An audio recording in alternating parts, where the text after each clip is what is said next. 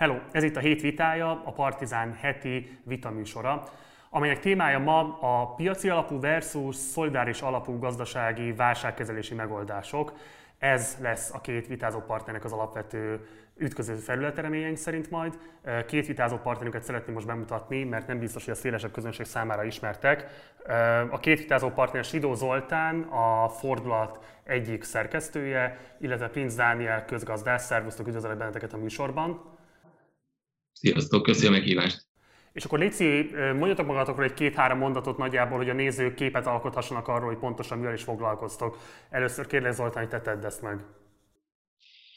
Köszi. Én, ahogy említetted is, a Fordulat folyóiratnak vagyok az egyik szerkesztője. Ez egy társadalomelméleti lap, ami évente két tematikus számmal jön ki, és olyan nagyobb témákat próbálunk meg földolgozni, hogy mi az a nagyobb keret, amiben értelmezhető például a klímaválság, vagy a reproduktív munkának, vagy akár a NER-nek a, a kérdése.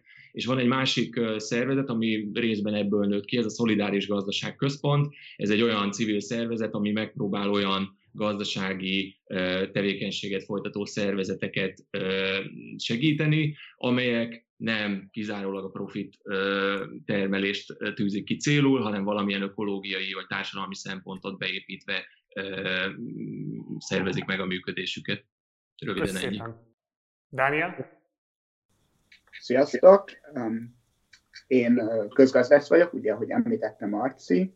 Az Egyesült Államokban a Harvard Egyetemen vagyok PhD hallgató.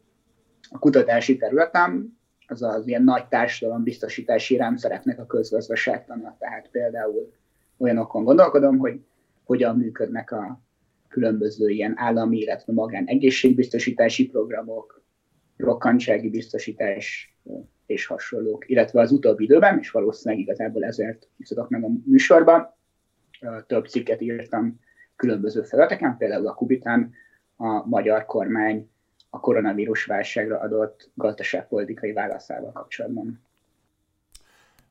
Mielőtt rátérnénk a konkrét vitapontokra, azt szeretném kérni, hogy röviden ismertessétek azt a két írást, amelynek szerzői vagytok, vagy társszerzői vagytok. Ugye Zoltán a már említett szolidaritási akciócsoport keretében indított egy alblogot gyakorlatilag a mércén, aminek egyik szerzője vagy te, és írtatok egy átfogó elemzést, amely megpróbáltátok megmagyarázni, hogy szerintetek igazából mi is az, ami most zajlik a szemünk előtt. És Dániel, neked pedig több közgazdász társaddal volt szintén egy kiáltványod, egy követeléslistád, amelyben azokat a követeléseket fogalmaztátok meg, amelyeket szerintetek most a kormánynak meg kellene cselekedni ahhoz, hogy mérsékelje a gazdasági, illetve a szociális válságot. Úgyhogy elsőként azt szeretném kérni, hogy Dániel, te foglald össze kérlek nagyjából néhány mondatban, hogy mi volt az, amit javasoltatok a kormány, vagy követeltetek a kormánytól. Utána pedig Zoltán kérlek, hogy te beszélj a közös írásotokról. Elmondom röviden, hogy, hogy ebben a kiáltványban milyen kritikát fogalmaztunk meg a kormány válaszával kapcsolatban, és utána elmondom azt, hogy mi miket javaslunk. Ugye az első kritikánk az volt, hogy a kormányválság kezelő programjában nincsenek világosan meghatározott célok és eszközök. A második az, hogy a kormány a gazdaságpolitikai beavatkozását jelentős részben költségvetési átcsoportosításokból, illetve elvonásokból, például az önkormányzatoktól való elvonásokból szeretné fedezni, és nem rak érdemben akár a költségvetési hiány terhére új pénzt a gazdaságba. A harmadik kritikánk az volt, hogy a kormány hát vagy nem érti, vagy nem vallja be, hogy mennyire súlyos ez a válság, és ezért teljesen ideális hiány, illetve növekedési célokat fogalmaz meg, és ennek megfelelően alulméretezi a válaszát. Illetve a negyedik kritikánk, ami szintén nagyon fontos, ettől nem ez a legkevésbé fontos, az az, hogy a kormány nem, nem kínál megoldást a munkahelyüket tömegesen elveszítő tömegek problémáira, illetve hát ezzel a munkalapú társadalom nevű szlogennel operál, ami rendkívül félrevezető. Ennek megfelelően mi öt javaslatot tettünk. Az első az, hogy a kormány vezessen be egy átfogó bérgarancia programot a munkahelyek megőrzése érdekében. A második az, hogy a, a bérgarancia programmal nem kezelhető jövedelem kieséseket pótolja pénzbejuttatásokkal. A harmadik az, hogy hosszabbítsa meg jelentősen az álláskeresési járadékot, emeljen a családi pótlékot, illetve a különböző foglalkoztatási helyettesítő támogatásokat. A negyedik az, hogy biztosítson jelentős mértékű központi támogatást a nehéz helyzetbe kerülő és hát ebben a válságban kulcsterepet betöltő önkormányzatoknak, illetve a különböző civil szervezeteknek, amik szintén fontos szociális feladatokat látnak el. Illetve az ötödik az, hogy a kormány vonja be a társadalom tehetősebb rétegeit a válságkezelésbe, érvényesítse a szolidaritás elvét, és jelentősen növelje a költségvetési kiadásokat, ezeket fedezheti a hadaszható kiadások érdemeljes csökkentéséből, de szerintünk fontos, hogy emellett a jelenlegi helyzetben a költségvetési hiányt is emeljék, mert a hiány ebben a helyzetben nem akadályozhatja a kormányzati cselekvést. Köszönöm. Zoltán? A mi az egy kicsit kilóg a mostani ellenzések sorából, mert a legtöbb uh, írás, hogy a Daniéké is, az arra fókuszál, hogy mit csináljanak a kormányok most azonnal, mit csinál Donald Trump, mit csinál Orbán Viktor. Mi tettünk egy lépést hátra, a cikknek az a címe, hogy nem térhetünk vissza a normális működéshez, mert a normális működés maga a probléma. És ez igazából elég sokat elárul arról, hogy mit is tartalmaz maga a cikk. Három részből áll. Az első rész az amellett érve, hogy mind a járványnak a kialakulása, mind a nagyon gyors elterjedése és a gazdasági hatása az rendszer szintű problémákból fakad. Hogy ez pontosan mit jelent, azt majd a későbbiekben bővebben is kifejtem. A második nagy téma, amivel megpróbáltunk foglalkozni, az az, hogy ezt a válságot a nagy piaci és a politikai szereplők hogy használják föl, mint egy jó lehetőséget arra, hogy új pozíciókat szerezzenek és építsenek ki. Tehát, hogy lesz egy ilyen nagy átrendeződés, ahogy egyébként az minden válságkor történik. És a harmadik pont pedig azt a perspektívát hozza be, ami nagyon sok elemzésből megint csak kimarad, hogy itt nem csak kormányok vannak ö, ö, szereplőként ebbe a sztoriba, nem csak fölülről végigtolt intézkedések, hanem van egy társadalom, ö, ahol zajlik egy önszerveződés, és akkor arról írunk ebben a, a harmadik részében a cikkünknek, hogy ennek az önszerveződésnek kb. milyen célok mentén és milyen formákban kéne történni ahhoz, hogy valamiféle föntarthatóbb, meg szolidárisabb világot tudjunk kialakítani ki, a válság után. Nagyon köszönöm rövid összefoglalót. Hogyha bárkinek lenne egyébként kérdése arra vonatkozóan, hogy miről írtak még ezekben a cikkekben, az megtalálhatja ezeket a cikkeket itt a videó alatt belinkelve, tehát lehet bőségesebben is tájékozódni. Jó, és akkor ugorjunk az első kérdésünkre. Minden válság idején eljön az a pont, amikor megjelennek azok az emberek, akik előre tudták, hogy összeomlás lesz, hiszen köztudottan rossz állapotban volt a világgazdaság. Mások viszont annyira abszurdnak tartják a jelenlegi helyzetet, hogy óva intenek mindenkit attól, hogy nagy világmagyarázatokba bocsájtkozzanak egy ilyen totális, véletlen miatt kialakuló apokalipszis után. Szerintetek kinek van igaz ebben a kérdésben, és miért? És kérek, hogy Zoltán kezdte a válaszadást. Igen, tehát hogy most, amikor válságról beszélünk, akkor egy hármas, hármas válságról beszélünk, tehát egyszerre zajlik egy járványügyi, eh, egy gazdasági és egy ökológiai válság. Ezek nem a semmiből jöttek, tehát egyik se egy véletlennek az eredménye.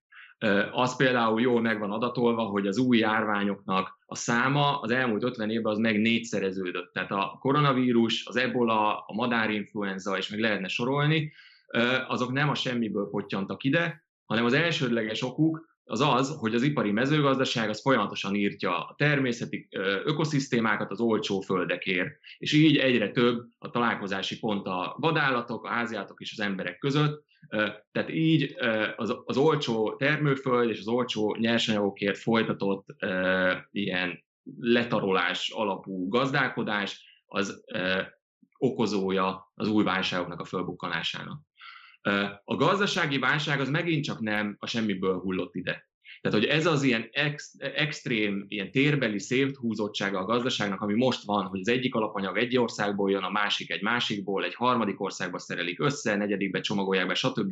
Tehát ez nem egy ilyen természetes folyamatnak az eredménye, hanem az 1970-es évek válságának a terméke. Tehát akkor lassult le a második világháborút követő egy-két évtizedes nagy gazdasági növekedés, amit a világ vezető ilyen gazdasági és politikai szereplői úgy orvosoltak, hogy brutálisan lenyomták a munkának az árát. Például úgy, hogy kiszervezték a termelést Kínába, Kelet-Európába, más olcsó helyekre, elkezdték versenyeztetni hosszú beszállítói láncokban a beszállítókat, hogy így is lenyomják a költségeket, stb. Tehát, hogy itt pedig a, nem az olcsó természet, hanem az olcsó munka, munkáért folyó ilyen versenyfutás volt az, ami a mostani szituációt létrehozta. És akkor ott van az ökológiai válság, amiben mindez a, mindezek a tendenciák összeérnek egy ilyen óriási apokaliptikus dologgá. Ugye ott egyszerre van jelen a természetnek a pusztítása az olcsó nyersanyagokért, egyszerre van jelen a rendkívül természet környező módon a világ egyik pontjáról a másikra átutaztatott áruk és alkatrészek az olcsó munkaerő felhasználásért, stb. Tehát, hogy, hogy ezek állnak össze a klímaváltozásba egy ilyen nagy probléma gócá. És mindezzel csak azt akarom mondani, hogy ez a hármas válság, ez rendszer szintű problémákból fakad. És hogy itt a probléma gyökere az az a gazdasági rendszer, ami úgy csinál gazdasági növekedést, hogy annak mindent alárendel, és mind a természetet, mind az emberi munkát egy ilyen olcsó, eldobható erőforrásként használja csak föl. Amíg ezt nem kezeljük, addig csak tüneti kezelésre van mód. Nagyon köszi. Dániel? Uh, én megpróbálok egy kicsit ilyen, um, hát mondjuk mérséket választ adni. Um, én azt gondolom, hogy összességében azban teljesen, az teljesen igaz, hogy a, hogy a járványnak a, a, a világgazdaságra gyakorolt hatása, meg általában a hatása, az nagyon-nagyon függ attól, hogy hogyan működik a gazdaság. Tehát ilyen értelemben abszolút érdemes világmagyarázatokon gondolkodni, hogyha ma akarjuk érteni a, a, a, a járványnak a, a működését a jelenlegi gazdasági rendszer szempontjából, és ugye hát nyilván ez határozza meg azt is, hogy hogyan, hogyan érdemes reagálnunk erre a járványra. Um, viszont szerintem érdemes néhány dolgot megpróbálni újra keretezni. Tehát az első dolog az, hogy az, hogy mi azon, hogy, hogy összeomlás, meg apokalipszis, meg, meg hasonlók. Tehát én azt gondolom, hogy a világgazdaság nem omlott össze. Nem omlott össze abban az értelemben, hogy nem ment mondjuk, ha itt vagyunk százon, nem ment nullára, vagy akár 20-ra, de még 50-re sem ment le a világgazdaság. Tehát mondjuk a nemzetközi valutalap előrejelzései szerint 2020-ban mondjuk lehet 3%-os a visszaesés, és 2021-ben meg körülbelül 6%-os a növekedés. Én azt gondolom egyébként, hogy ez egy nagyon optimista előrejelzés, ennél bőven lehet pessimistábbnak lenni, de mondjuk tegyük föl, kis túlzással az idei visszaesés mondjuk 20% lesz. Hogyha 20%-kal esik vissza 2020-ban a világgazdaság, én azt gondolom, hogy akkor sem beszélhetünk összeomlásról abban az értelemben, hogy, hogy mit tudom én, volt egy épület, és az így leomlott teljesen, teljesen nullára.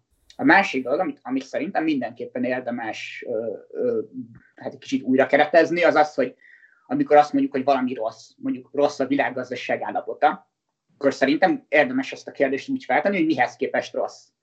Tehát mondjuk, ha összehasonlítjuk azzal, hogy az 1918-as spanyol ha járványban mondjuk 17 és 50 millió közötti ember halt meg a világ két milliárd lakójából, ezt összehasonlítjuk azzal, hogy koronavírus járványban 143 ezeren haltak meg a világ 7,5 milliárd lakójából, vagy mondjuk belegondolunk, hogy az 1665-ös, 66-os nagy londoni pestis járványban minden negyedik londoni halt meg, a koronavírus járványban meg minden három ezredik londoni, akkor azért láthatjuk, hogy, hogy nem arról van szó, hogy most egy olyan összeomlás következik be, ami korábbi korszakokban, korábbi gazdasági rendszerekben ne következett volna be. Ez ugye az egészségi része.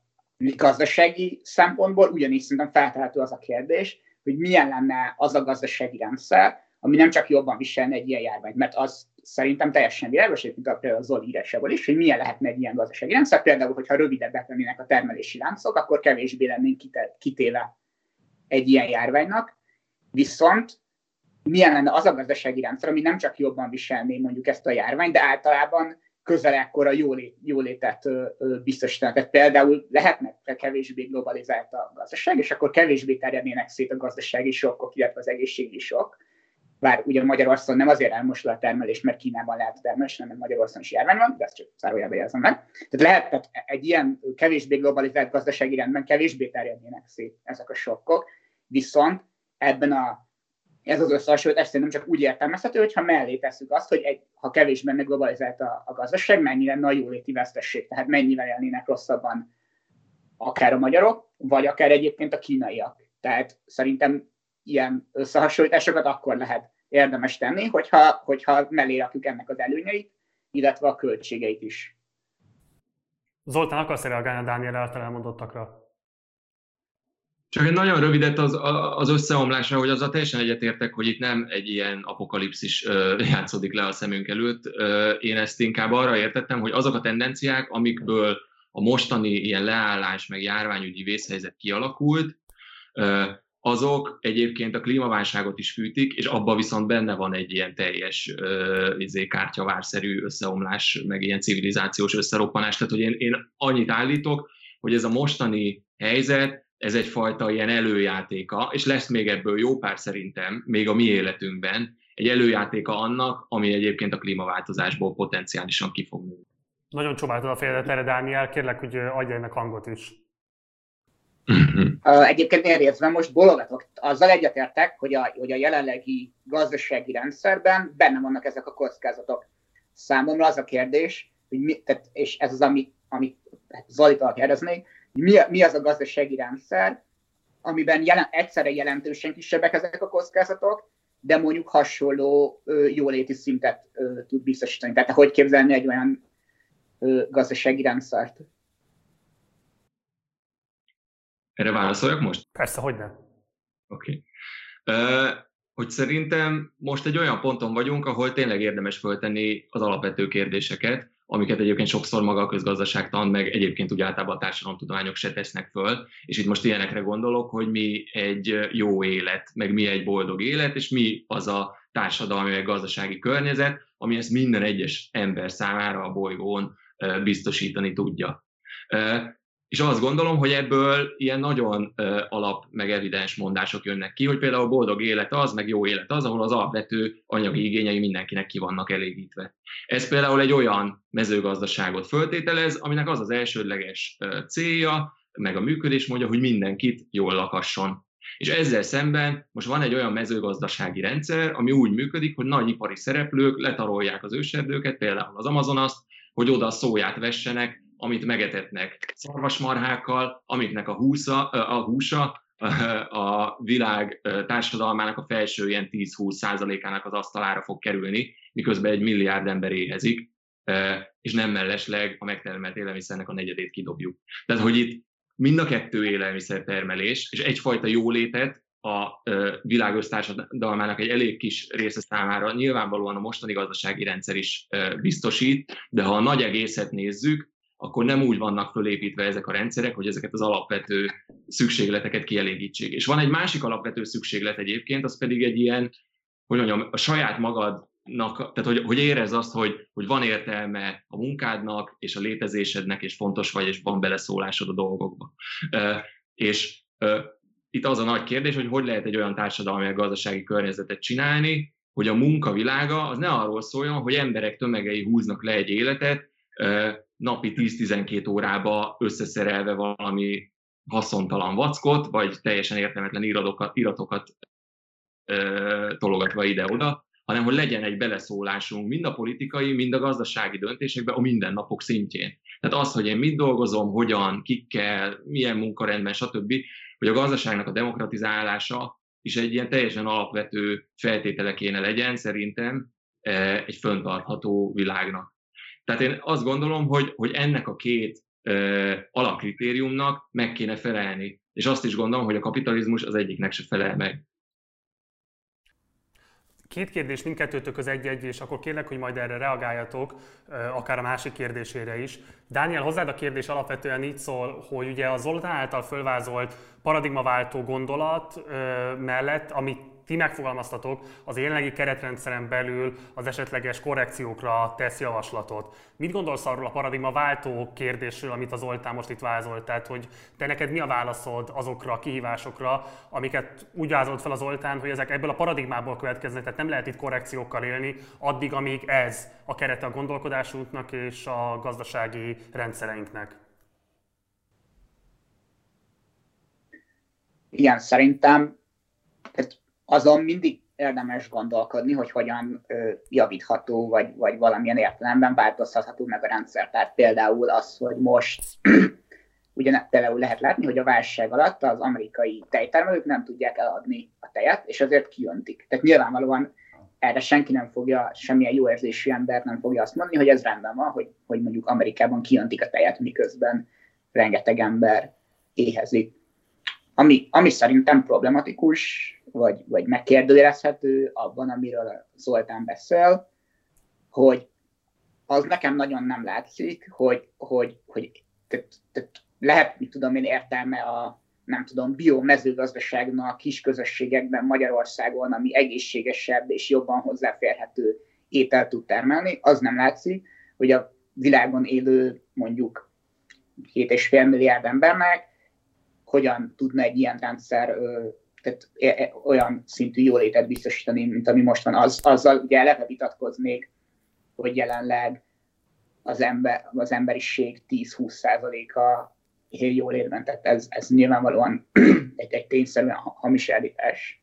Tehát a, a, nyilvánvalóan van, van rengeteg éhező a világon, de azért a, az embereknek egy soha nem látott tömegei élnek, soha nem látott jól érben, tehát a világtörténelemben soha nem volt ennyire kicsi a arányaiban a szegénység, és ennyire nagy a jólét. Tehát ez szerintem tényszerűen megkérdőjelezhetetlen. Nem volt soha korábban olyan gazdasági rendszer az 1970-es évek előtt sem, sem soha korábban a világtörténelemben, amikor ne éhezett volna ennél sokkal több ember, és ne éltek volna az emberek sokkal rosszabb körülmények között. Szerintem, ami itt kimaradt, természetesen nem jó az például, hogy vannak emberek, akik napi 10-12 órát dolgoznak mondjuk Kínában egy ilyen, ilyen tömegösszeszerelő üzemben, azért, hogy a mit tudom én, a nyugati emberek iPhone-okat ö, ö, vehessenek. Ugyanakkor Kínában 1970 óta például nagyon-nagyon, amióta Kína bekapcsolódott a globalizált gazdaságba, nagyon-nagyon-nagyon jelentősen megnőtt tömegek számára a hozzáférhető jólét. Tehát Kínában minden évben, és egyébként nyilván egyébként sok gond van Kínával, de minden évben több millió ember kerül ki a szegénységből Számomra, ami nem látható, hogy ilyen, hogy mondjam, ilyen kiterjedtségben ez az alternatív gazdasági rendszer hogyan tudna jólétet biztosítani. Ugyanakkor, amiben szerintem egyetértés van közöttünk, hogy a jelenlegi rendszerben egyre nagyobbak az egyenlőtlenségek, túl nagyok az egyenlőtlenségek, ezt mindenképpen korrigálni kell, illetve hát ugye ha konkrétan csak Magyarországra fókuszálunk, akkor az látható, hogy a kormány lényegében egyáltalán nem érdekli az egyenlőtlenségek és a szegénység, és ez nyilván számomra is elfogadhatatlan. Egy tisztázó kérdés nekem még Dániel, és aztán átfordulunk az Oltánhoz. Tehát a te állításod alapvetően úgy szól, hogy ennek a válságnak a következményeit a kapitalista termelési rendszer keretein belül bőségesen lehet korrigálni. Hát, hogy mondjam, tehát milyen, attól függ, hogy mit értünk a válság következményei alatt. Én azt gondolom, hogy igen ö, ö, akkor azt mondom, hogy azok a fajta egyenlőtlenségek, igazságtalanságok, amelyek már megvoltak a válság előtt, és amelyeket most a válság nyilvánvalóan felerősített, még szélsőségesebbé tett, a te válaszod az, hogy ezek nem ássák alá a kapitalista termelés létjogosultságát, továbbra is kezelhetőek lesznek a te állításod szerint ennek a keretnek a keretein belül. Igen, kezelhetőek lennének, de nyilvánvalóan az politikai akarat kérdése, hogy akarjuk őket kezelni. Tehát az teljesen nyilvánvaló, hogy a jelenlegi politikai rendszerben Magyarországon nincsen meg a politikai akarat az egyenlőtlenségek csökkentésére, sőt, a kormány elmúlt tíz évben folytatott politikája jelentősen megnövelte Magyarországon az egyenlőtlenségeket. Jó, köszönöm szépen. Zoltán, hozzád fordulok, és akkor igazából a Dániel kérdését szegezném neked, hogy ugye ő azt kérdezte tőled, hogy rendben van, hogy másfajta társadalmi vagy gazdasági termelési rendszerre lenne szükség, de hogyan lehet akkor egy 7 milliárdos populáció igényét ezen keresztül kielégíteni? Hogy szól erre a válaszod? Én maradnék most még első körben az élelmiszer témánál, mert ez egy ilyen nagyon szép, meg ilyen nagyon mindenki a saját bőrén érzi, hogy na jó, de hogy lehet megetetni ennyi embert, hogyha nem úgy, ahogy most csináljuk. És erre az egyik válasz az az, hogy egyébként a világon a megtermelt élelmiszernek az 50%-át, de a globális délen a 70%-át is nem nagyipari, ilyen kapitalista szereplők termelik meg, hanem kis családi gazdaságok. Tehát, hogy ez már most is történik, és ezeknek a gazdaságoknak a létét egyébként módszeresen lehetetlenítik el azok a nagy ilyen élelmiszeripari komplexumok, meg kormányok, akiket egyébként mindannyian jól ismerünk a boltok polcairól. És egyébként a nagy e, ipari mezőgazdaság az nagyon nagy rész még csak nem is e, a szó legszorosabb értelmével élelmiszer termel, hanem nagyon sokszor tényleg ezeket a, e, a, a haszonállatok megetetésére használt ilyen növényeket, szóját, és így tovább, bioüzemanyagokhoz, alapanyagot, stb. Tehát ezeket az ilyen nagy monokultúrás gazdások, gazda, gazdaságokat kultiválják, mert ez az, amiből pénzt lehet csinálni, és nem az, hogy így megfizethető módon megeteted a kongói átlagpolgárt.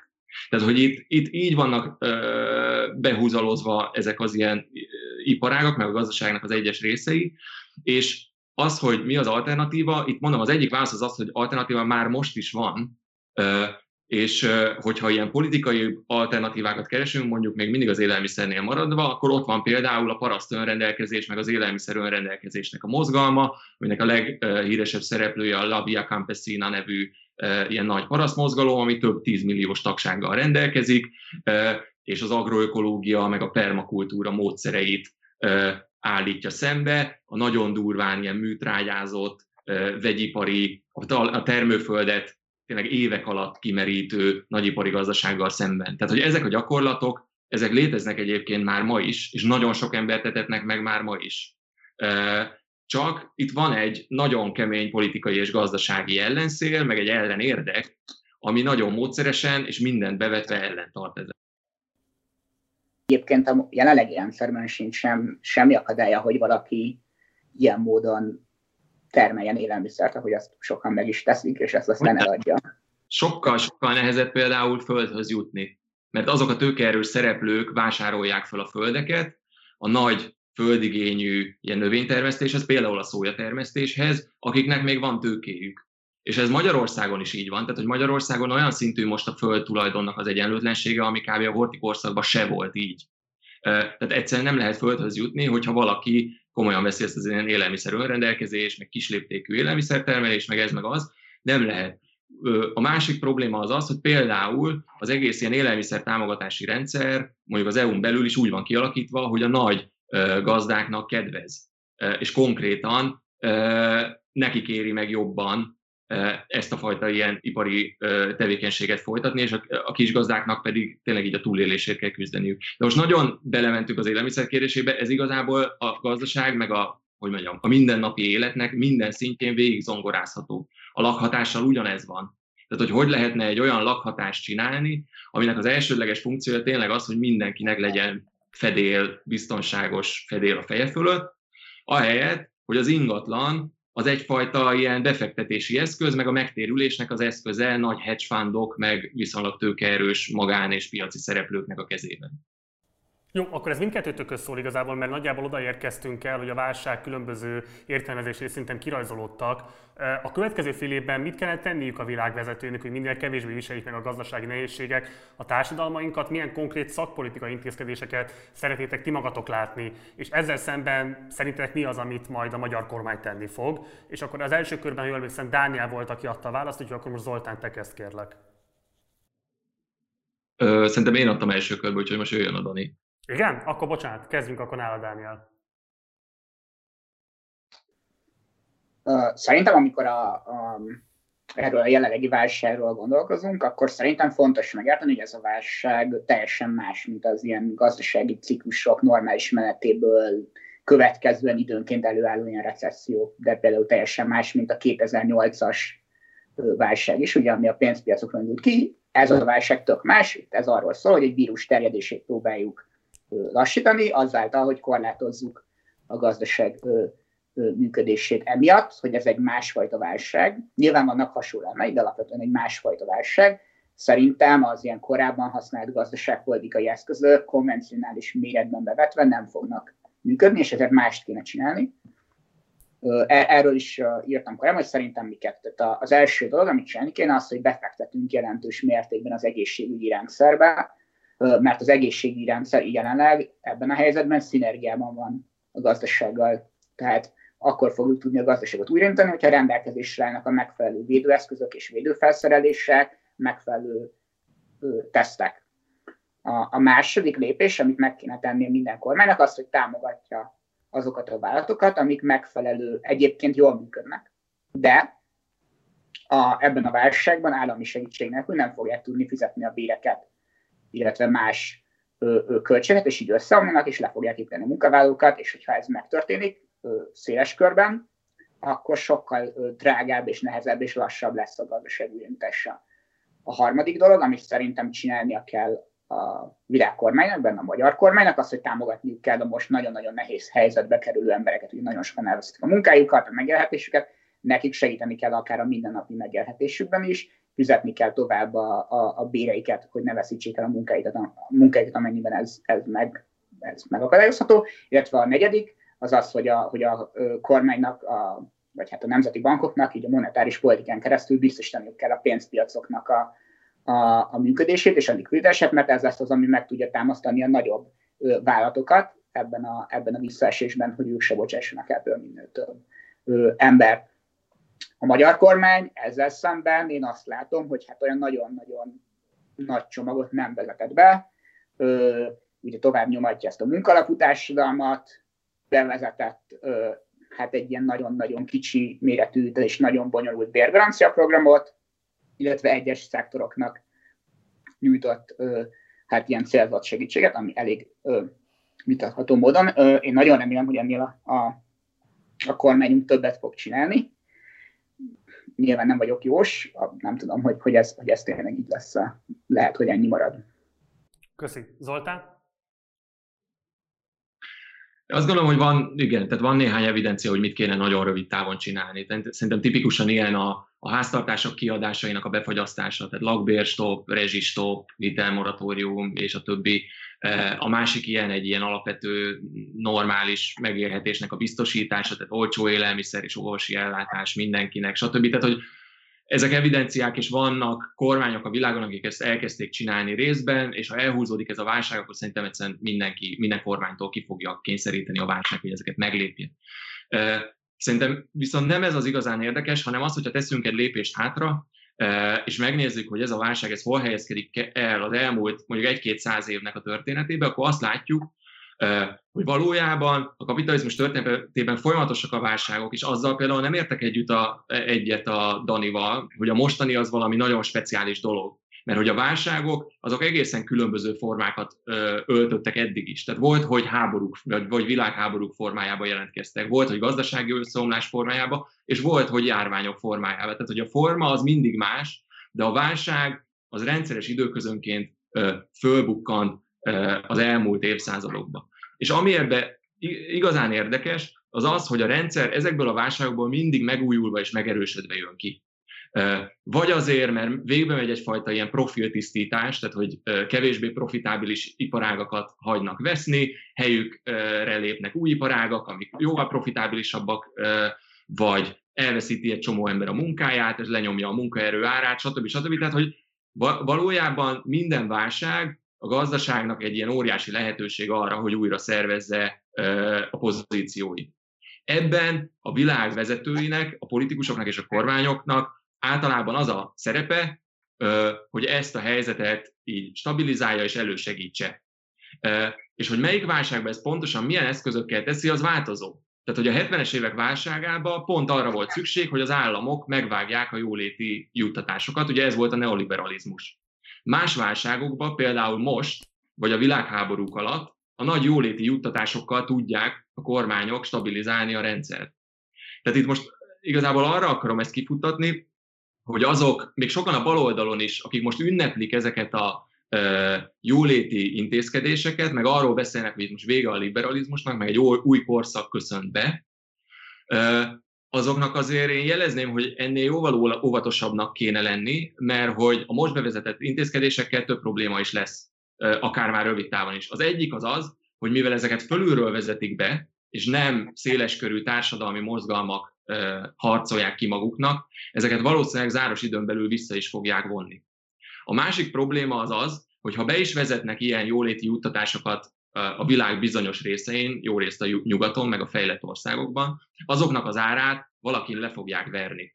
Vagy úgy fogják leverni, hogy jön egy megszorítási hullám a járvány elültével, vagy úgy, és ez már most is történik, hogy az inté- a jóléti intézkedéseknek a költségeit ráhárítják például a félperiféria meg a periféria országére. Most egy nagyon plastikus példát mondok, ez most bejárta azt hiszem a magyar sajtót is, hogy Németországban ugye az van, hogy van egy minden igényt kielégítő egészségügyi ellátás, állami bérátvállalás, egy csomó jóléti intézkedés, hatalmas költségvetési pumpa, meg minden, de közben a román és a bolgár vendégmunkásokat ugyanúgy tömegével, a higiéniai előírásokat nem betartva, reptetik be spárgát szedni napi 12 órába nevetséges bérekért.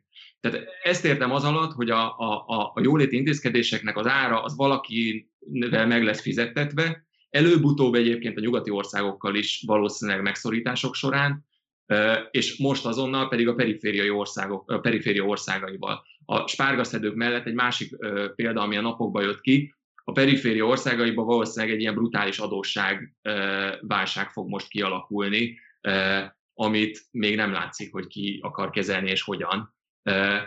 De itt az a lényeg, hogy, hogy látni kell, hogy ezek a jóléti intézkedések most fölülről jönnek, azt a célt szolgálják, hogy stabilizálják a rendszert, és újraindítsák kvázi a gazdaságot, és nincs semmiféle társadalmi kontroll a fölött, hogy pontosan ezek az intézkedések így mit csináljanak, és milyen célt érjenek el hosszabb távon. Dániel, láttam, hogy többször is megfogalmazódott az arcon nem tetszés, ez egyetlen értés jele, úgyhogy kérlek akkor ennek szintén most adj hangot.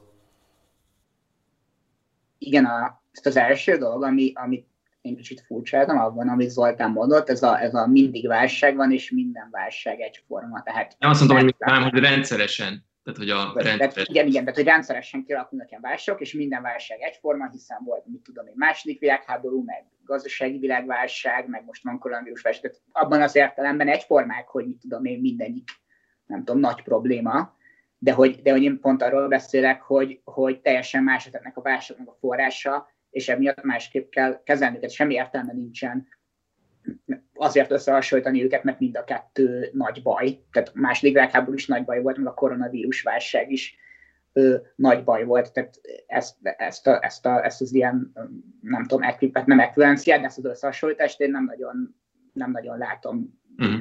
Re, realisztikusnak. Tehát például a, a legkézenfekvőbb, a 2008-as válsággal összehasonlítani. A 2008-as válság ugye arról szól, hogy összeomlottak ilyen hitelpiacok, és akkor ugye olyan gazdaságpolitikai reakciót lehetett adni, hogy ezeket a piacokat próbálták valahogy jól rosszul ő, megtámasztani. Ugye most a gazdasági összeomlás eleve annak a következménye, hogy azt, azt, azt az utat választjuk, hogy lelassítjuk a gazdaságunkat, hogy megmentsünk emberéleteket ugye a járványgörbe ellaposításával. Nem azért alakult ki a jelenlegi gazdasági válság, mert idézőjelben betegek a kínai munkások, és nem tudnak termelni, hanem úgy döntött a mondjuk a kínai állam, vagy a magyar állam, hogy fontosabbak az emberéletek, mint a, mint a gazdasági termelés. Nyilván ez ennél bonyolultabb, de nagyon lesz, hogy most ezért van egy gazdasági válság. Tehát most ugye azt szeretnénk, hogy egy kicsit lelassuljon a gazdaság, azért, hogy ne halljanak meg annyian a járványba. A másik dolog, ami nekem kicsit furcsa, ez az ilyen, ö, hát ez a, amit ilyen megszorítások politikájának ö, nevezünk, vagy, vagy hát nevezett, a, nevezett ö, Zoltán. Tehát mi, mi az, hogy megszorítások fognak következni, arról van szó, hogy, mo, hogy, hogy most érdemes ö, többet költeni az államnak, mint amennyi a jelenlegi bevétel, tehát költségvetési hiányt ö, futatnia, ami, és ami középen ugye emeli az államadóságot, és később pedig ezt érdemes ö, majd ö, visszafizetni az államnak, és ezért például a jövőben, amikor jobban beindul a gazdaság, mondjuk adót emelnie az adóemelés nem csak, ha az én ideális adóemelésemet nézzük, akkor ez egy progresszív adóemelés lesz, nem arról lesz szó, hogy a legszegényebbek adóját emelik. Hát éppen ezért egy tök jó dolog, hogy van egy állam, ami megteheti azt, hogy idén többet költ, jövőre pedig több bevételt szerez. Tehát ezt más rendszerben nem nagyon látom, hogy hogyan lehetne értelmes módon megoldani. De akkor egy tisztázó kérdés neked még, Dániel, hogy ha jól értem, te azzal nem értesz egyet az Oltán álláspontját, illetve lehet, hogy több minden is van, de egy ilyen mindenképpen, hogy az a fajta egységes szemlélet, amely a tisztán pénzügyi gazdasági válságokat és az egyéb társadalmi konfliktusok, kataklizmákból adódó ilyen következményeket egyben vizsgálja és egyben tekinti. Tehát te azt mondod, hogy ezeket megkülönböztetetten kell nézni, ezek nem adnak ki egy egységes rendszert, nem feltétlenül ugyanaz a hatások, nem feltétlenül ugyanarra azokra a változókra hatnak ki, tehát valami ilyesfajta elemet is van neked az oltánnal szemben? Igen, tehát, tehát nyilvánvalóan az egy igaz állítás, hogy a 2008-as válság, vagy a második világháború, vagy bármi, hogy az 1970-es években felépő gazdasági válság is a kapitalizmusban történt, hiszen akkor kapitalizmus volt. Most pedig egy járvány van, ami szintén a kapitalizmusban történik. De járványok voltak egyébként a világtörténelemben mindig. sokkal többen haltak meg ezekben a járványokban, tehát nem, tehát szerintem nehezen értelmezhető a jelenlegi válság, mint, mint, mint, mint, a, mint a szokásos ilyen gazdasági ciklusoknak a, a következmények, mert egyszerűen nem az. De... Akkor, várj, bocs, akkor adjuk át az Zoltának a szót, mert én szeretném, hogyha ő ezt tisztázná, hogy például mondjuk egy, egy, egy háborús konfliktus, vagy bármilyen más ilyen társadalmi kataklizma miért tekinthető a te értelmezésed szerint, hogyha jól interpretáljuk a szavaidat, mégis a kapitalizmus válságának? Tehát ez most nem az én személyes véleményem. Tehát itt egy olyan ilyen társadalom történeti paradigmára utalok, amit úgy hívnak, hogy világrendszer elmélet, ennek vannak híres szerzői, vannak komoly szerzői még magyarul is, nem tudom, az eszméletkörei, Böröc József, Szalai Erzsébet, a helyzetműve, stb. Tehát, hogy ez egy, ez egy elég jól megkutatott, meg megadatolt dolog, ami a kapitalizmus tényleg egy ilyen 3-400 tehát a kialakulása óta vizsgálja, és itt most nagyon röviden elmondva, az az egyik fő állítás, hogy a kapitalizmuson belül ilyen úgynevezett fölhalmozási ciklusok vannak. Egy-egy fölhalmozási ciklust egy-egy nagy hegemon hatalom szervez meg. Tehát például a legutóbbit az USA, az azt megelőzőt a brit birodalom, az azt megelőzőt a német alföldi birodalom, stb. És ezekben a fölhalmozási ciklusokban vannak bizonyos ilyen fölhalmozási formák, tehát az úgynevezett ilyen húzóágazatok. Ugye az amerikai felhazási ciklusban ez volt tipikusan az autóipar, a, nem tudom, az, elekt, az elektronikai ipar, a háztartási gépeknek az ipara, stb. Ez az, ami a második világháború után ugye így nagyon futott. Ennek az iparnak az ilyen felhazási képessége, ez kifulladt különböző okokból a 70-es években. Egyrészt azért, mert létrejött egy túlter, túltermelési válság. Tehát elkezdtek új szereplők nagyon hasonló dolgokat sokkal olcsóbban termelni, például Japán, vagy Németország, később a dél kis tigrisek, stb. Volt egy olajválság, fölment a munkaerő ára ugye Nyugat-Európába, mert egy nagyon erős szakszervezeti mozgalom így kiverekedte azt, hogy folyamatos béremelések legyenek, stb. Tehát, hogy ott ez a gazdasági növekedés ebben a formában nem tudott tovább menni. Ez egy válságot okozott. Ezt a válságot úgy oldották meg egyrészt, amit már az elején mondtam, hogy megvágták a munkaerőnek az árát, ugye kiszervezték a termelés, stb. A másik válságkezelési technika az az úgynevezett ilyen financializáció volt. Tehát az, hogy a tőke a reálgazdaságból a pénzpiacokra menekült, mert ott lehetett inkább pénzt csinálni. Ugye ez volt az a korszak, amikor az ilyen tőzsdék, meg részvénypiac, meg albérletpiac, meg hasonlók így elszabadultak, mert például régen, meg Thatcher, meg a hasonló politikusok ugye liberalizálták ezeket a piacokat, és ott volt egy ilyen pénzpiaci boom, ami egy ilyen válságkezelési technika volt.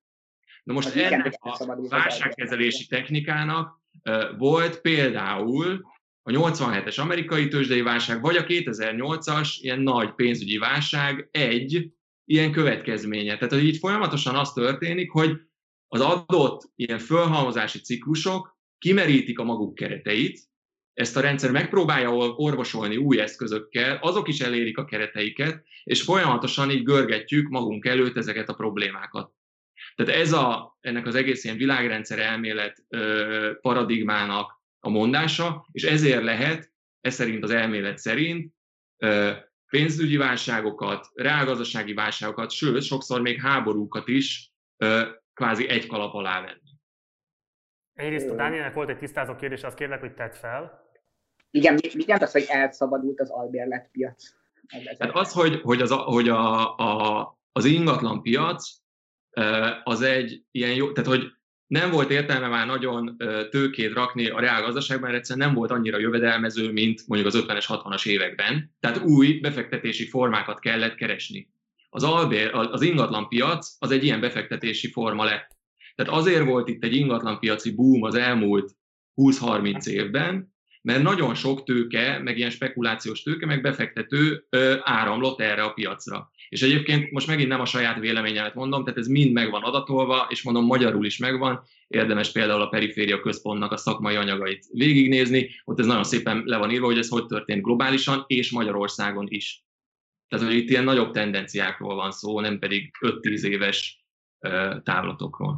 Igen, nekem itt kicsit ezzel az a, az a gondom, hogy így megpróbál minden ez, a, ez az elmélet megpróbál mindent így, úgy, mind, tehát, hogy mondjam, mindenről ugyanaz jut, mindenről ugyanaz jut eszébe. Tehát Magyarországon teljesen más történik az albérletpiacon, mint mondjuk, mint mondjuk Amerikában, vagy, a, vagy egyáltalán az ingatlan meg lakáshitelpiacon. Tehát az, hogy Amerikában azért szabadultak el a lakáshitelek, mert félre szabályozta az állam a lakáshitelek támogatását, Magyarországon pedig ugye a rendszerváltás után a rendszerváltás miatt alakult, tehát az ingatlanpiac lehet azt mondani, sőt, szerintem teljesen oké okay azt mondani, hogy nem.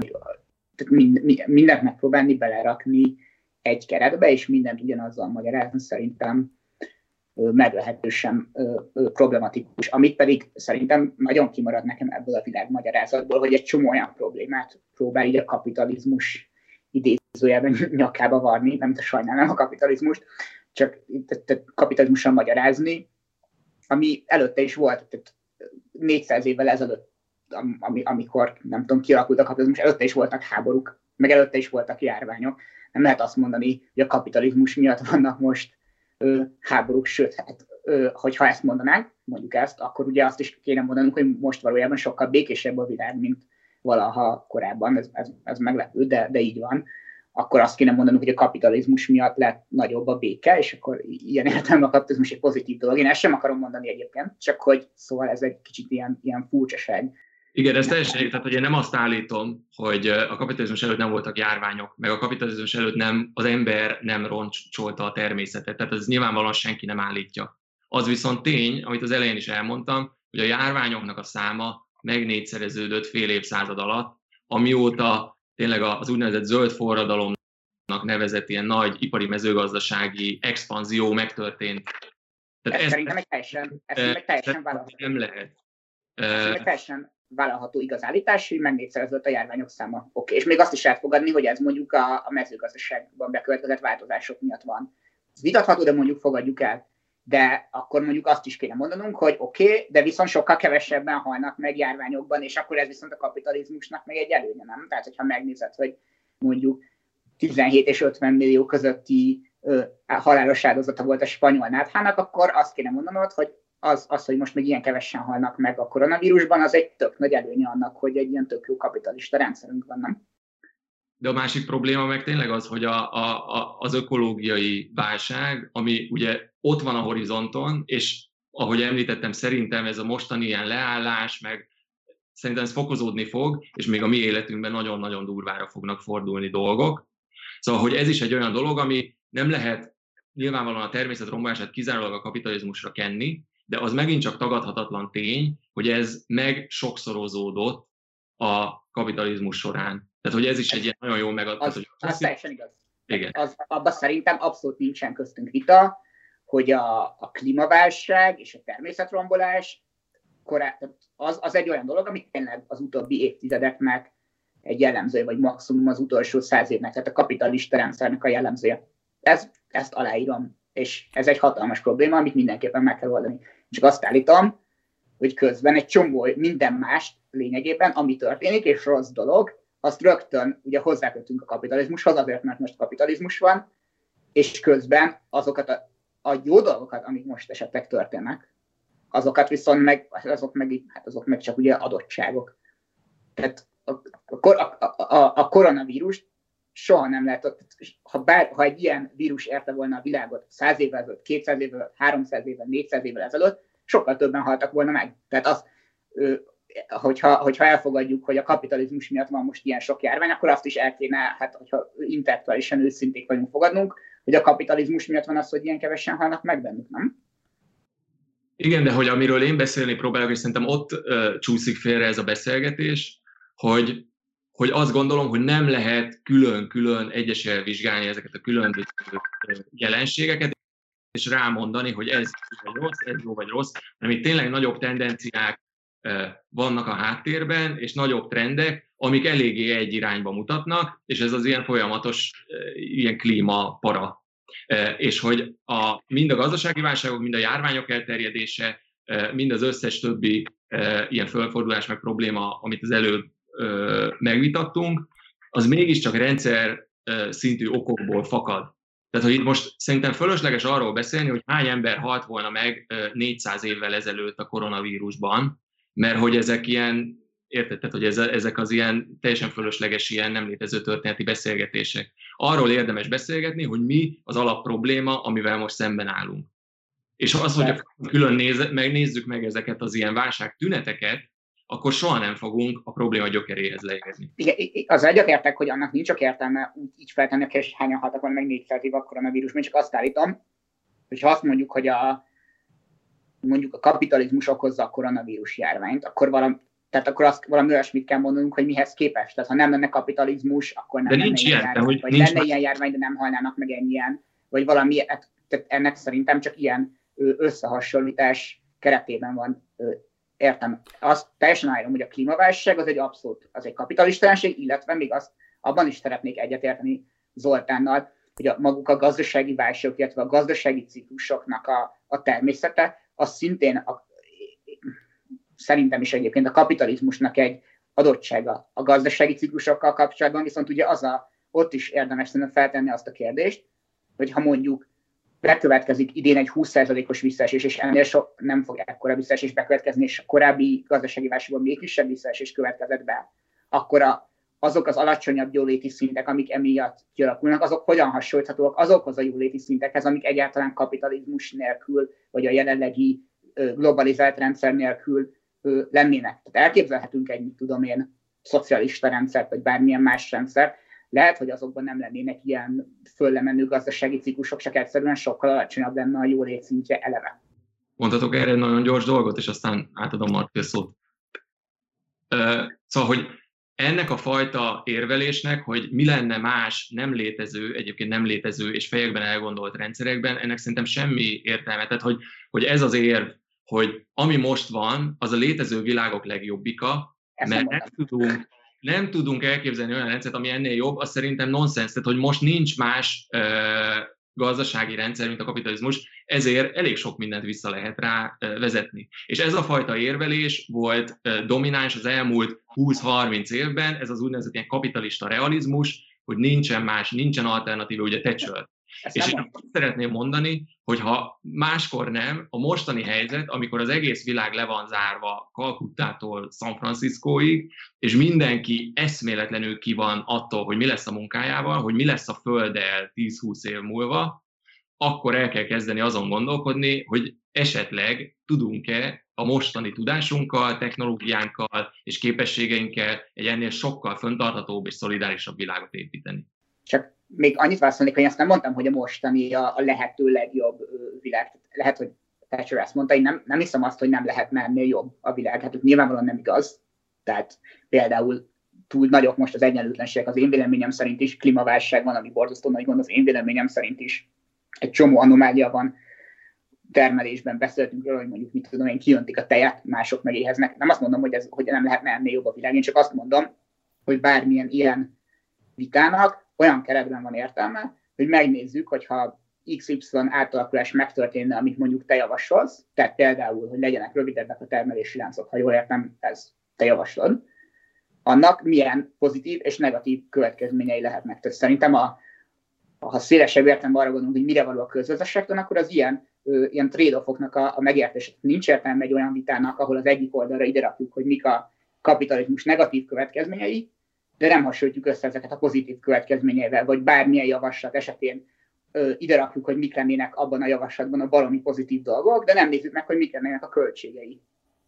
Összefoglalva, mennyire fel egyébként úgy egyszerűsíteni az álláspontjaitokat, és nyilván ez egy leegyszerűsítés, kérlek, hogy így fogadjátok, hogy az Oltán elmondása alapján egész egyszerűen nem lehetséges ezeket a politikai, társadalmi kataklizmákat, kríziseket megvizsgálni a termelési szerkezetünk kritikája nélkül, míg a Dániel azt mondja, hogy dehogy is nem lehetséges, sőt, így lehet igazából vizsgálni, hogy van egy dolog, ami a gazdaság, és van egy másik dolog, ami a politikum, és ez a kettő lehet, hogy összekapcsolódik ilyen olyan módon, de nem determinisztikus egymásra vonatkoztatva. Fair dolog-e így így uh, interpretálni az álláspontjaitokat? Szerintem az enyémet nem fair. Akkor kérlek, hogy tisztázz. Én azt mondom, hogy természetesen jó, én azt állítom, hogy a jelenlegi koronavírus válságnak mondjuk a hatásait természetesen csak azon keresztül lehet megérteni, hogy megértjük, hogy hogy működik a kapitalizmus. Tehát persze, hogy a mondjuk a globálisan szétterjedő hatása az egy nagyon erős függvénye a, a globális termelési láncok meglétének. Ez abszolút így van. Az, hogy ennyire gyorsan szét tudott terjedni maga a járvány, csak egészségi értelemben, az abszolút egy következménye annak, hogy az emberek korábban soha nem látott mértékben utaznak világszerte. Tehát ezt csak a jelenlegi gazdasági rendszer keretében lehet megérteni, hogy miért ezek a következmények. Hogy amikor azon gondolkozunk, hogy megváltoztassuk ezt a rendszert valami esetleg radikálisan másra, akkor ezen úgy van értelme gondolkodni, hogy figyelembe veszünk a jelenlegi rendszer előnyeit és hátrányait, és a lehetséges alternatívák előnyeit és hátrányait. Zoltán, egy zárómondatot szeretnék még kérni tőled, és akkor őt zárjuk is le utána a műsort.